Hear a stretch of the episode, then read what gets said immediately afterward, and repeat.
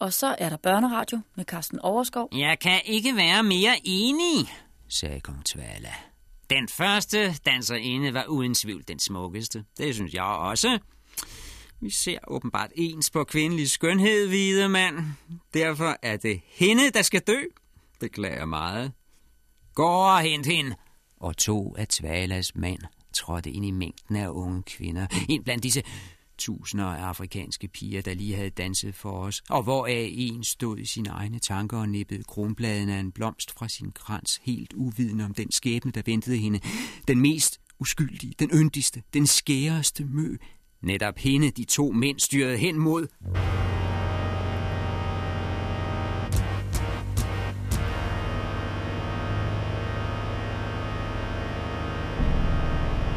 Det var min skyld.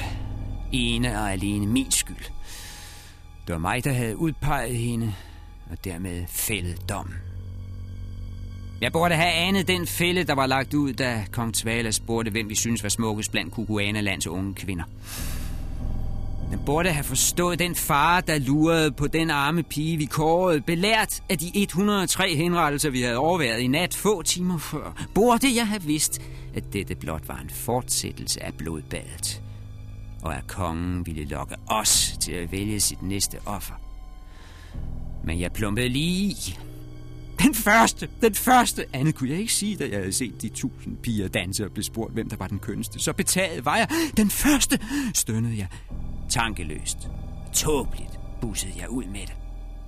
For ja, hun var den kønneste. Ja, hun var meget mere end køn. Hun var henrivende. Hun var rank i sin holdning, klart markeret i hver eneste kropsbevægelse, men samtidig den mest bøjelige, smidige kvindeskikkelse, jeg mindst har set på et dansegulv.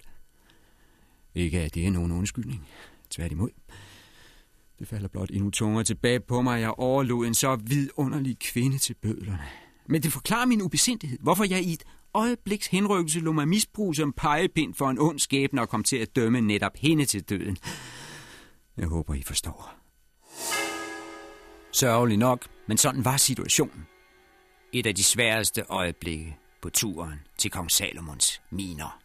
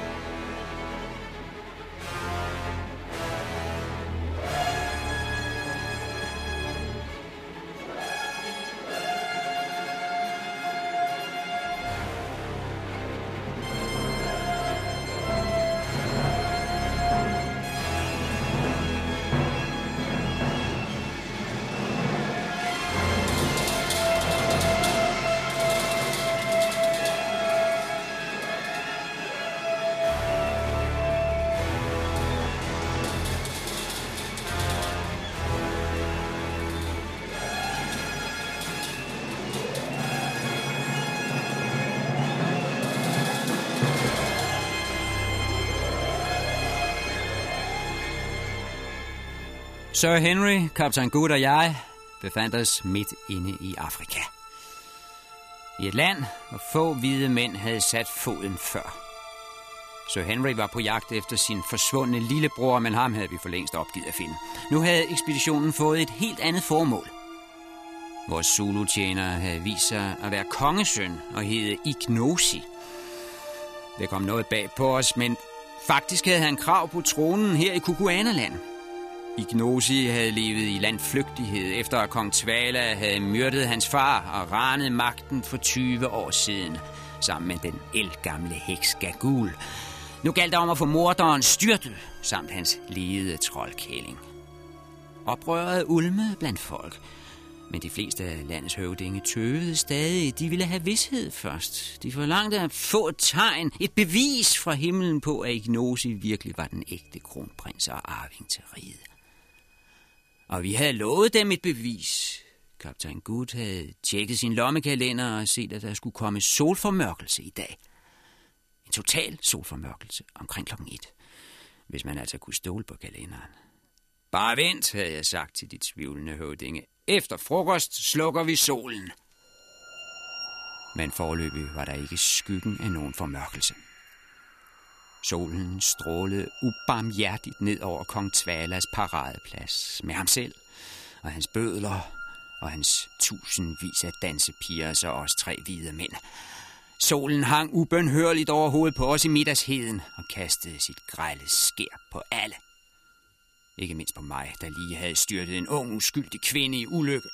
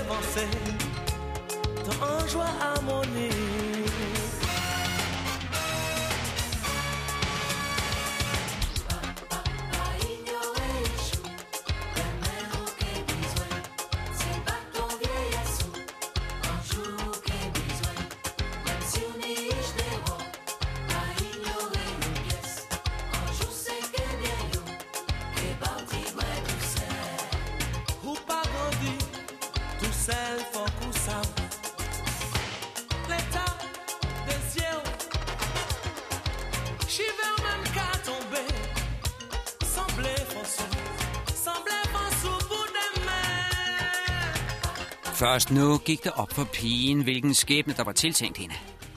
Hun udstødte et fortvivlet skrig, prøvede at slippe væk, men stærke hænder greb hende. Tvalas mænd tog hende og slæbte af med hende.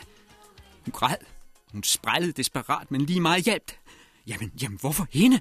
fik jeg sagt til Tvala og skyndte mig til for Åh, konge, for høflighedens skyld. Hvorfor, hvorfor netop den pige? Hun er jo den, den yndigste af dem alle, og, og langt den dygtigste af dine danserinder. Hvorfor skal netop hun lide døden? Netop derfor, væsede han. Ja, hylede Gagul. Just derfor. Fordi hun er den skønneste, skal hun dø. Det er en god gammel skik.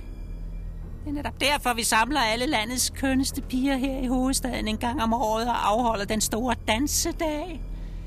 For hvert år skal de hvide stenguder have deres menneskeoffer hendes vindtørre fingre virrede i luften som en giftslanges tunge, indtil den fandt sit mål og pegede ud mod horisonten, hvor to slanke bjergtinder rejste sig mod himlen, blege som marmorsøjler. De klippespier, vi havde set på lang afstand, da vi nærmede os byen.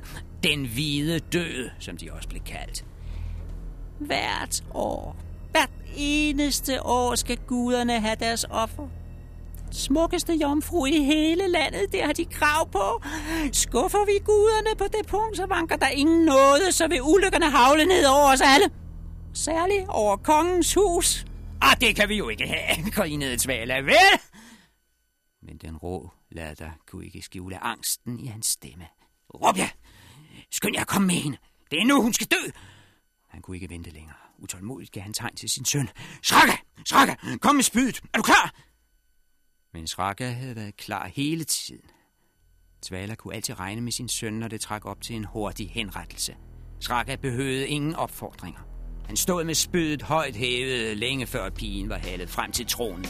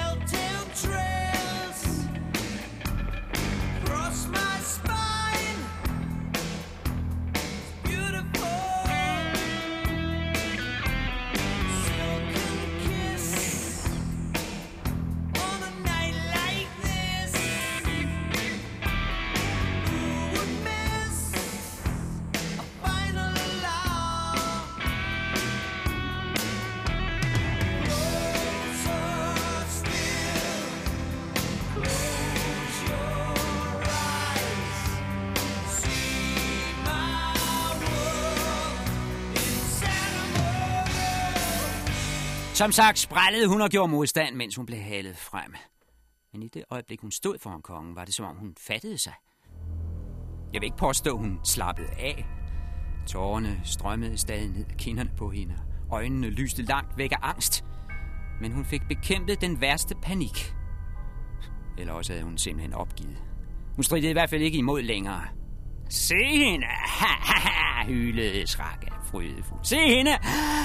Hun er allerede lammet ved synet af mit legetøj.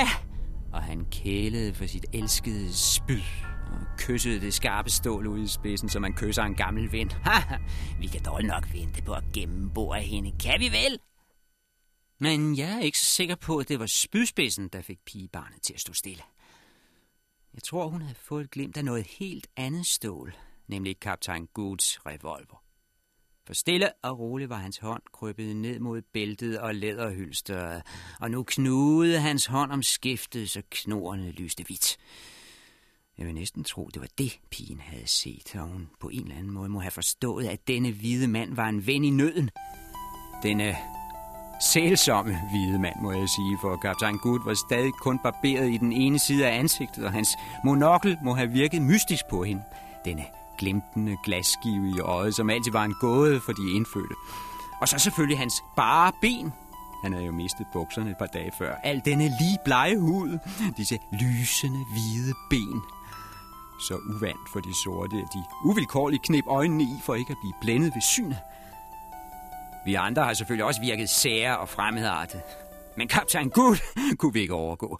Den mand var en omvandrende sensation i Kukuanerland.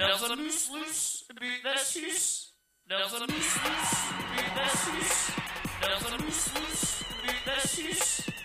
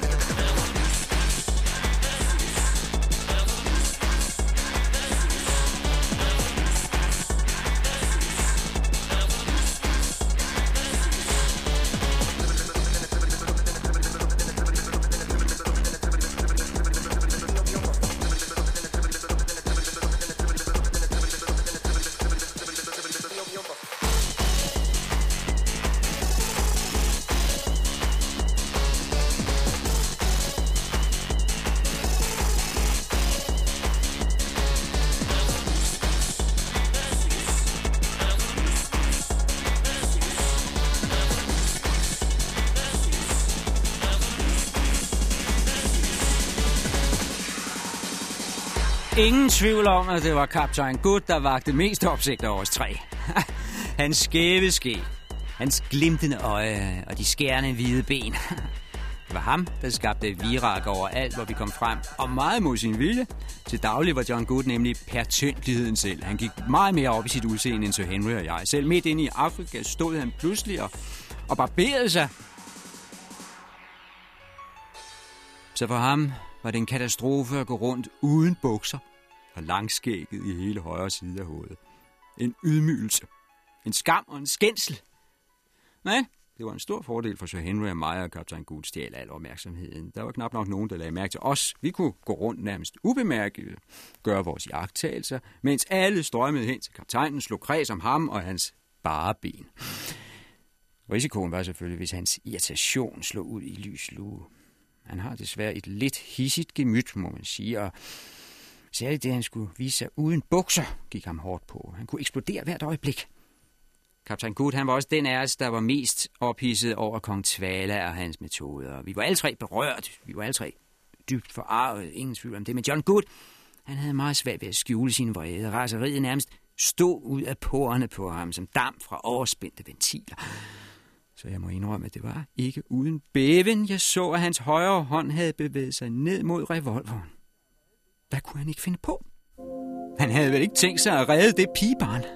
Det kunne se kønt ud med et skuddrama lige nu, hvor vi skulle vinde venner blandt de indfødte. Få dem over på Ignosis side med fredelige midler. John, viskede jeg. Jeg tror ikke, det er hensigtsmæssigt. Men jeg er bange for, at han ikke hørte efter.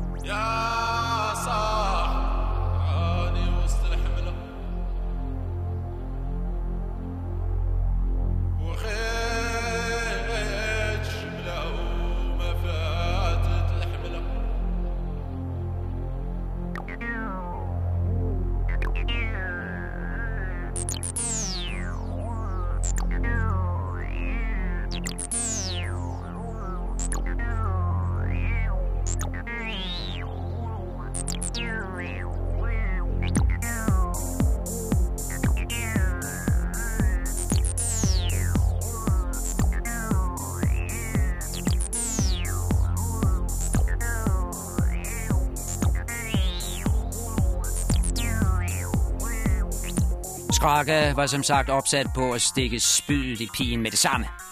Men Gagul havde et par formaliteter, der skulle overstås først. Ah, hvad hedder du så, min pige? Gnækkede hun. Mere for en ordens skyld, så vi ved, hvem det er, vi har offret til guderne. Navn og slægt, tak! Den unge pige vædede læberne, svarede. Fulata, stormor. Jeg hedder Fulata af huset Suku. Stemmen skælvede en smule. Men sig mig, stormor, hvorfor er det mig, der skal dø? Hvad ondt har jeg gjort? Hold op med det flæberi, voisede heksekællingen irriteret.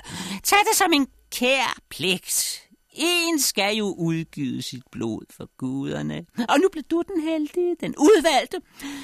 Tænk på, at det bliver dig og ingen anden, der skal møde guderne i det høje. Tænk på, at det er bedre at hvile ud i døden, end at trælle her i livet. Og tænk på, hvilken ære det er at få lov til at dø fra en kongesøns hånd. Det er sandelig ikke alderen værd beskåret. Men Fulata havde åbenbart svært ved at få øje på de store fordele. Jamen, jamen, jeg er så ung. Hvad har jeg gjort, siden jeg aldrig mere skal se solen stå op? Aldrig mere skue nattens stjerner. Aldrig mere plukke blomster, mens græsset endnu er vådt af duk. Og aldrig mere lytte til kildernes pludren. Hvilken forbrydelse har jeg dog begået, når jeg skal straffes med aldrig mere se min fars hytte? Aldrig mere føle varmen i min mors favn. Og aldrig mere pleje at passe et sygt lille kid.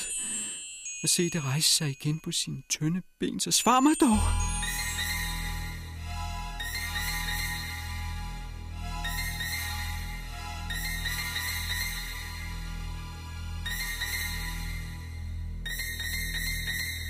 Men blev der lyttet til hende? Var der nogen, der hørte efter? Eller kan man lige så godt spare sig den slags spørgsmål, når man er dømt til at møde døden på bunden af den dybeste skagt i kong Salomons miner?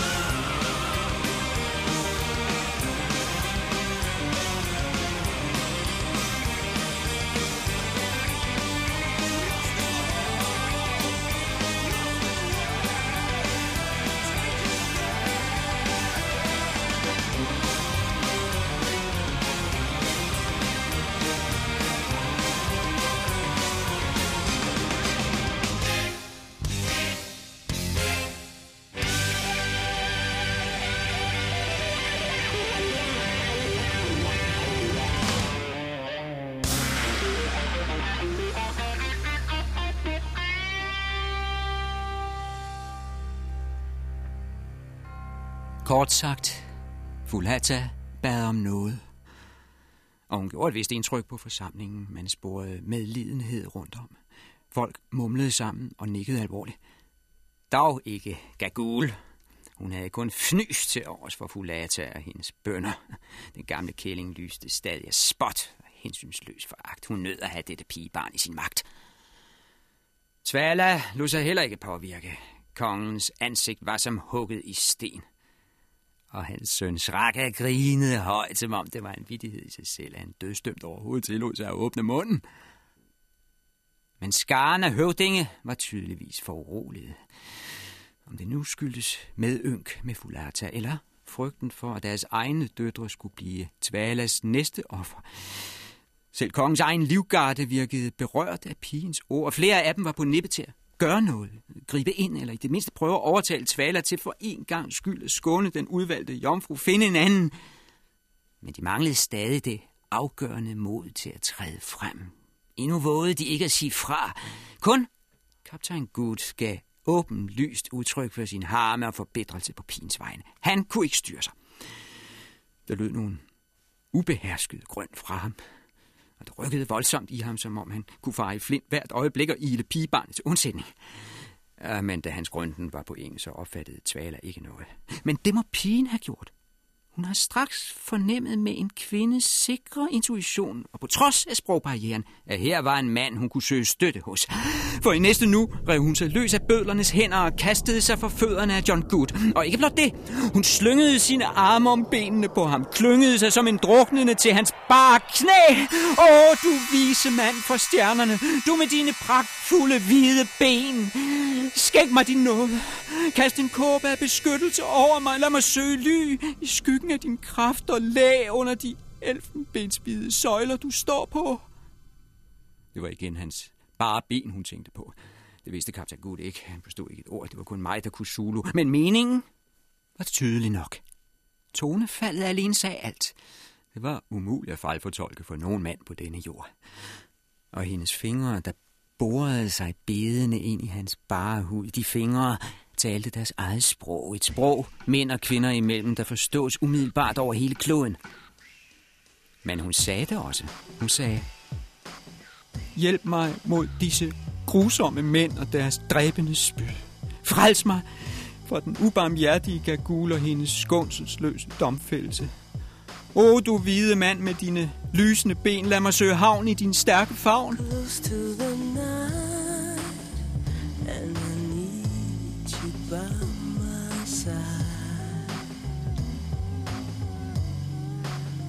to the night, and I need you. Cause, your skin feels like velvet.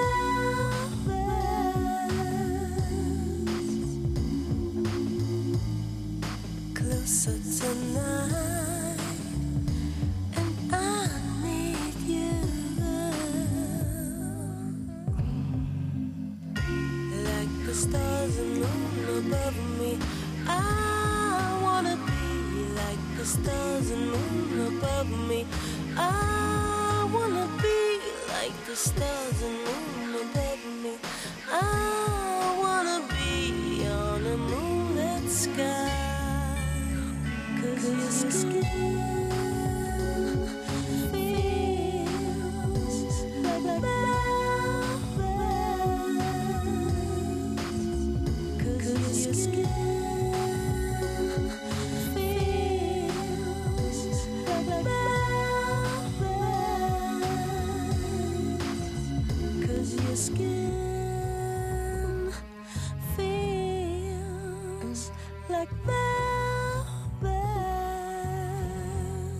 Nu kunne der være nok, synes kong Tvala. Han vinkede sin søn med spydet frem. Vis, hvad du dur til, Shraka, og lad os få det her overstået. Det behøvede man ikke sige to gange til Shraka. Den unge mand var mere end beredvillig. Han var ved at gå til efterhånden af alt det klynkeri. Han mente, det var på høj tid, hans far fik sat foden ned og vist, hvem der var herre i dette land. Så Shraka hævede spydet for 117. gang. Og igen for han frem mod sit bytte, men denne gang var det alvor. Nu skulle det være.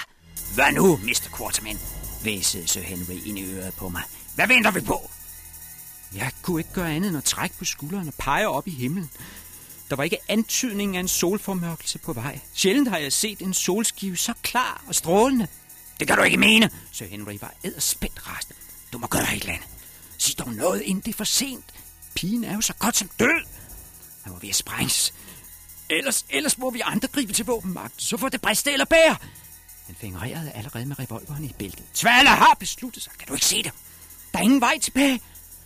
Sådan så det unægteligt ud, det må jeg indrømme. Jo, ved Gud, Sir Henry havde ret. Hvis Fulata skulle frelses, var det nu. Fristen var løbet ud. Vi kunne ikke vente på den solformørkelse. Kong Tvala!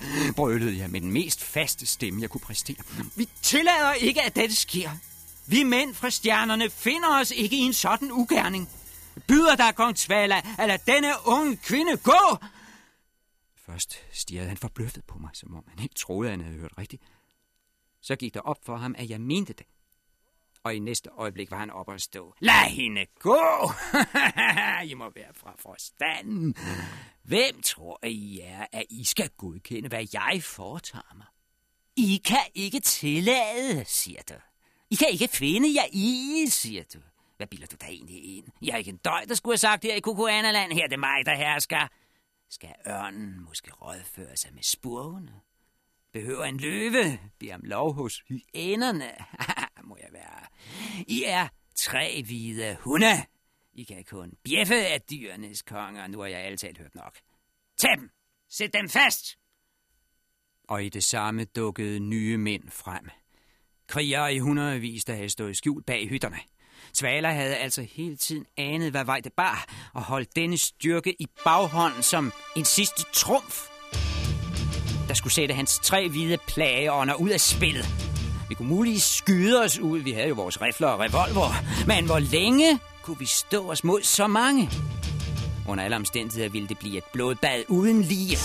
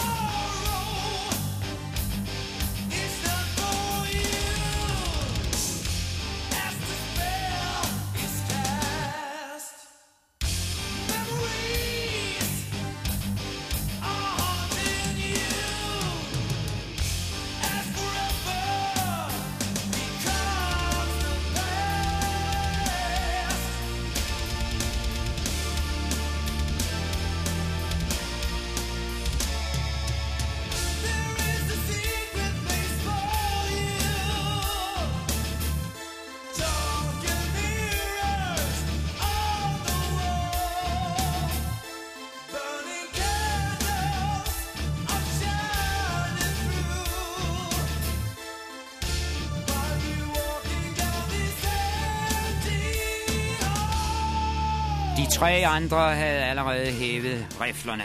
Sir Henry, Cotton Goat og Ignosi, den forhenværende Zulu-tjener, som nu var ophøjet til vores ligemand og havde fået sin egen riffel. Rimelig nok, eftersom det her dybest set var hans strid, ikke vores. Vi havde blot lovet at stå ham bi i hans kamp for at blive Kukuanelands nye konge. I det øjeblik var der altså hævet tre rifler mod Tvalas stormtropper. Men jeg tøvede stadig med at afsikre min. Man måtte gøre alt for at undgå denne massakre. Jeg prøvede for sidste gang. Stop! råbte jeg. Trådte midt ind i virvaret. Ind mellem de løftede riffelmundinger. Og pigen, der lå og klyngede sig til kaptajn Goods ben. Skrakke, der lagde han til at støde spydet i hende. Og kong Tvala, der dirigerede rundt med sine tropper. Og Gagul, der kravlede omkring og vrælede. Dræb dem!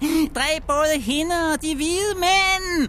Og den hemmelige garde, som nu ikke var hemmelig mere, men kom væltende frem fra alle sider for at overmande os, mens de tusind små danserinde stod betuttet udenom og blot tog på, mens alt dette udspillede sig for deres øjne.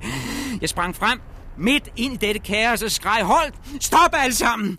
Jeg befaler jer at stå stille, for om lidt vil vi hvide mænd slukke for solen. Og I skal se, hvor magtfulde vi er. Så vil I forstå, at det ikke nytter noget at fare frem mod os, heller ikke med våben i hånd. For intet, intet, siger jeg, intet jordisk våben kan såre os, og slet ikke slå os ihjel. Vi skal leve evigt. Vi kommer nemlig fra himlen, og om lidt skal I se, at vi regerer både her og der. Og faktisk var det hele gået i stå. Alle stod pludselig stille og lyttede til mine ord. Mange skottede allerede op mod solen, for det var det med at slukke for solen, der gjorde indtryk på dem. Det ville ingen gå glip af. Jeg samlede min sidste lungekraft og brølede. Høj sol! Gør dig klar til at slukke! På min ordre skal du sortne og forblive sort en rum tid. Jeg havde svært ved at bekæmpe det citron i min stemme, og jeg vågede slet ikke se op. Der var ikke andet at gøre end at, end at trække tiden i langdrag. Nu hæver jeg min hånd mod dig, høje sol, så du ved, at nu er det lige før, du skal slukkes. Jeg håber ikke, mine arme rystede alt for meget. Jeg kunne dårligt nok få dem op, så nervøs var jeg. Og hvis jeg skulle stå længe og holde den strakt op mod himlen, jeg ved, det, det, det tog jeg slet ikke tænke på. Jeg havde kun, kun to ord tilbage. Og dem udtalte jeg med det sidste, der var tilbage af min stemme. Med rungende røst råbte jeg. Sol! Sluk!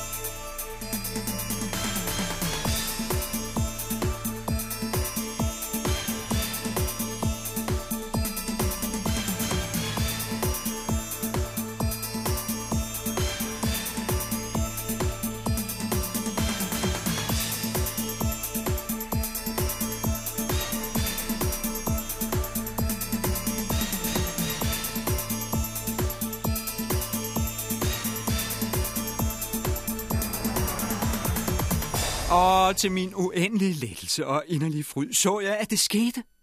Der havde vist sig en smal sort stribe ude i kanten af solen på den ene side. En ganske tynd, mørk rand. Men jeg vidste, at den ville vokse. Langsomt ville den brede sig og æde hele solskiven op. For nu var det bekræftet, at kaptajn Guds lommekalender talte sandt. Der var virkelig solformørkelse over Afrika.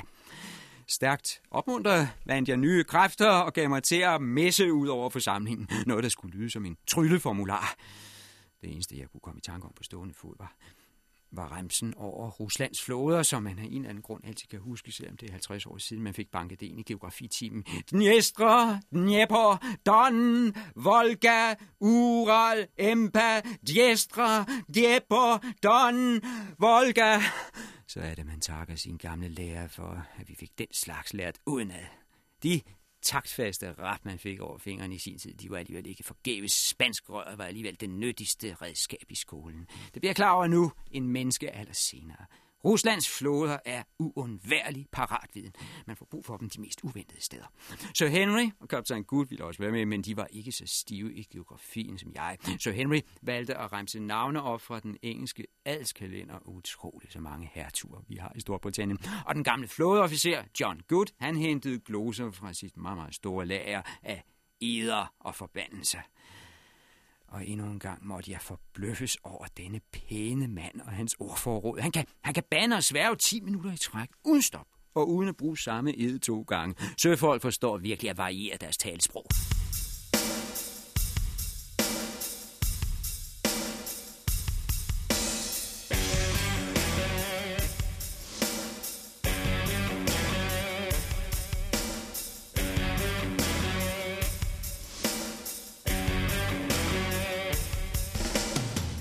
Og imens krøb den krumme skygge ind over solens skive og dækkede mere og mere. Der hang allerede et underligt halvlys over landskabet. Vi tre hvide mænd stod som sagt og messede hver vores remse med hænderne rakt op mod himlen. Og hvad de indfødte angår, ja, de var selvfølgelig rejselslagende.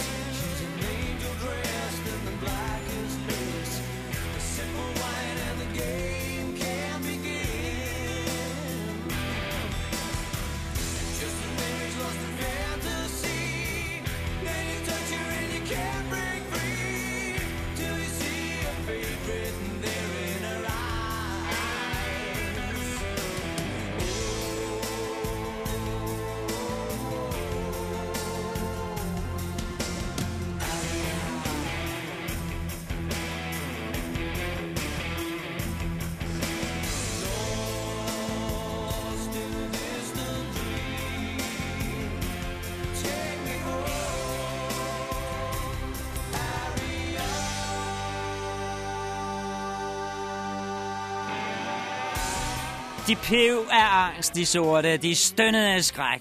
Det steg en jammer op på paradepladsen. Nogen stod som forstenede. Andre kastede sig på knæ i gruset og skreg højt. Kong Tvala sad meget, meget stille på sin skammel med rejselen malet fjeset. Lige bleg, eller så bleg, som man nu engang kan blive med hans hudfarve. Kun gamle Gagul bevarede fatningen. Det er ingenting. Det vil høre op. Jeg har set det før. Solen får en skygge, men forsvinder aldrig helt. Skyggen trækker sig hurtigt tilbage igen, og så er solen fuld igen som før. Solen er der ingen, der kan slukke for. Fat jer dog, børn, fat jer. Det vil ikke ske. Men denne gang tog hun fejl. Det sorte felt blev bredere og bredere, og en større og større del af solen blev dækket. Der sank en uhyggelig skygge over landet, en mørkning, som ikke kan sammenlignes med skumring eller dæmring. En helt speciel form for dunkelhed, som man kun oplever ved solformørkelser. Fuglene flaksede frygtsomt om i starten, men snart satte de sig blev stille. Hunde stoppede op midt i en gøen. Selv hønsene holdt op med at kavle. Hele naturen holdt vejret. Alle var slået med tavshed. Også vi mennesker. Ingen sagde en lyd længere. Den sidste, der stoppede, var kaptajn Gut. Og det var ikke, fordi han havde udtømt sit lager af eder og forbandelser så langt fra. Men også han måtte snappe efter vejret og holde inde i dette tykke mørke, for det virkede ikke som almindelig fravær af lys, som almindelig mørke, snarere som en tæt sort sky, der var dalet ned på jorden.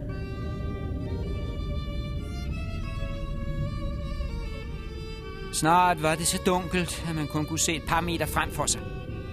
Alle danserinderne og krigerne var forsvundet i mørket. Hvis det ikke havde været for lyden af hivende åndedræt, kunne man tro, at de slet ikke var der, disse tusinder af mennesker.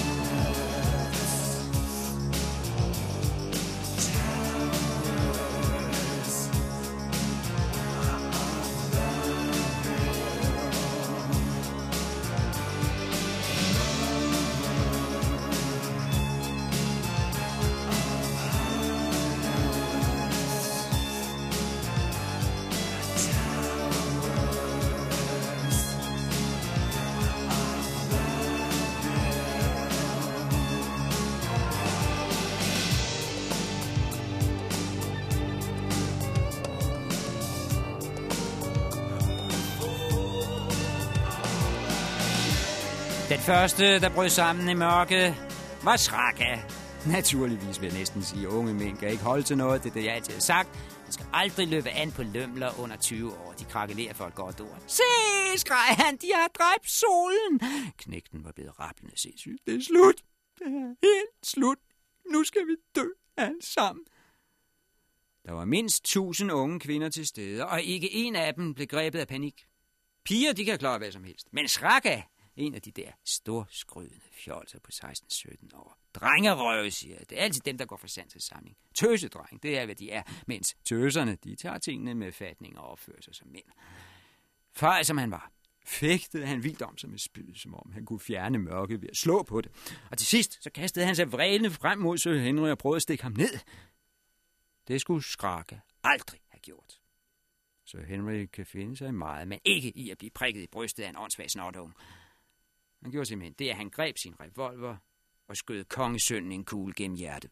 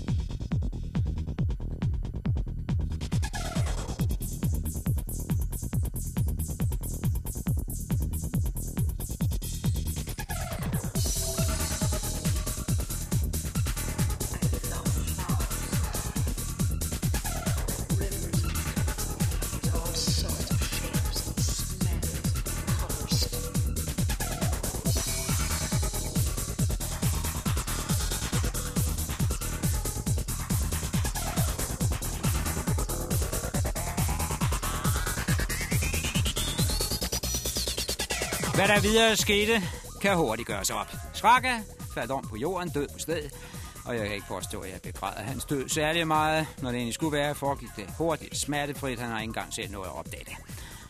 Kong Tvala, hans far, kom op fra skammen i en fart, styrtede i ly i en hytte. Hans bødler og livvagter gjorde det samme. Par hans høvdinge fulgte også med. Selv Gagul skyndte sig at komme af vejen. Hun krabbede afsted i et tempo, der var helt forbløffende for hendes alder. I løbet af sekunder var hederspladserne røde. Der var kun os fire tilbage, samt den unge pige, der havde været så tæt på at dø før Fulata. Hun lå stadig og knugede sig ind mod kaptajn Guds bare ben. Nu var solformørkelsen total. Og de høvdinge, der ikke var stukket af sammen med tvaler, kom nærmere og dannede kreds om os. De havde fået deres tegn. Det mirakel, jeg havde lovet dem, som skulle vise, at Ignosi var retmæssig konge. Ignosi stod i pagt med os, og nu havde de selv set, at vi kom fra himlen og havde magt over både jorden og solen. Store vendepunkter indtræffer altid, når det ser allermørkest ud. Sådan var det også her. Midt i en kold sort solformørkelse kunne Ignosi og hans kuguaner endelig skimte lys for enden af tunnelen. Egentlig er det først nu, historien begynder. De første 16 gange var kun indledningen den nødvendige baggrund for min beretning. Først fra nu af går det for alvor fremad. Fremad mod Kong Salmons miner.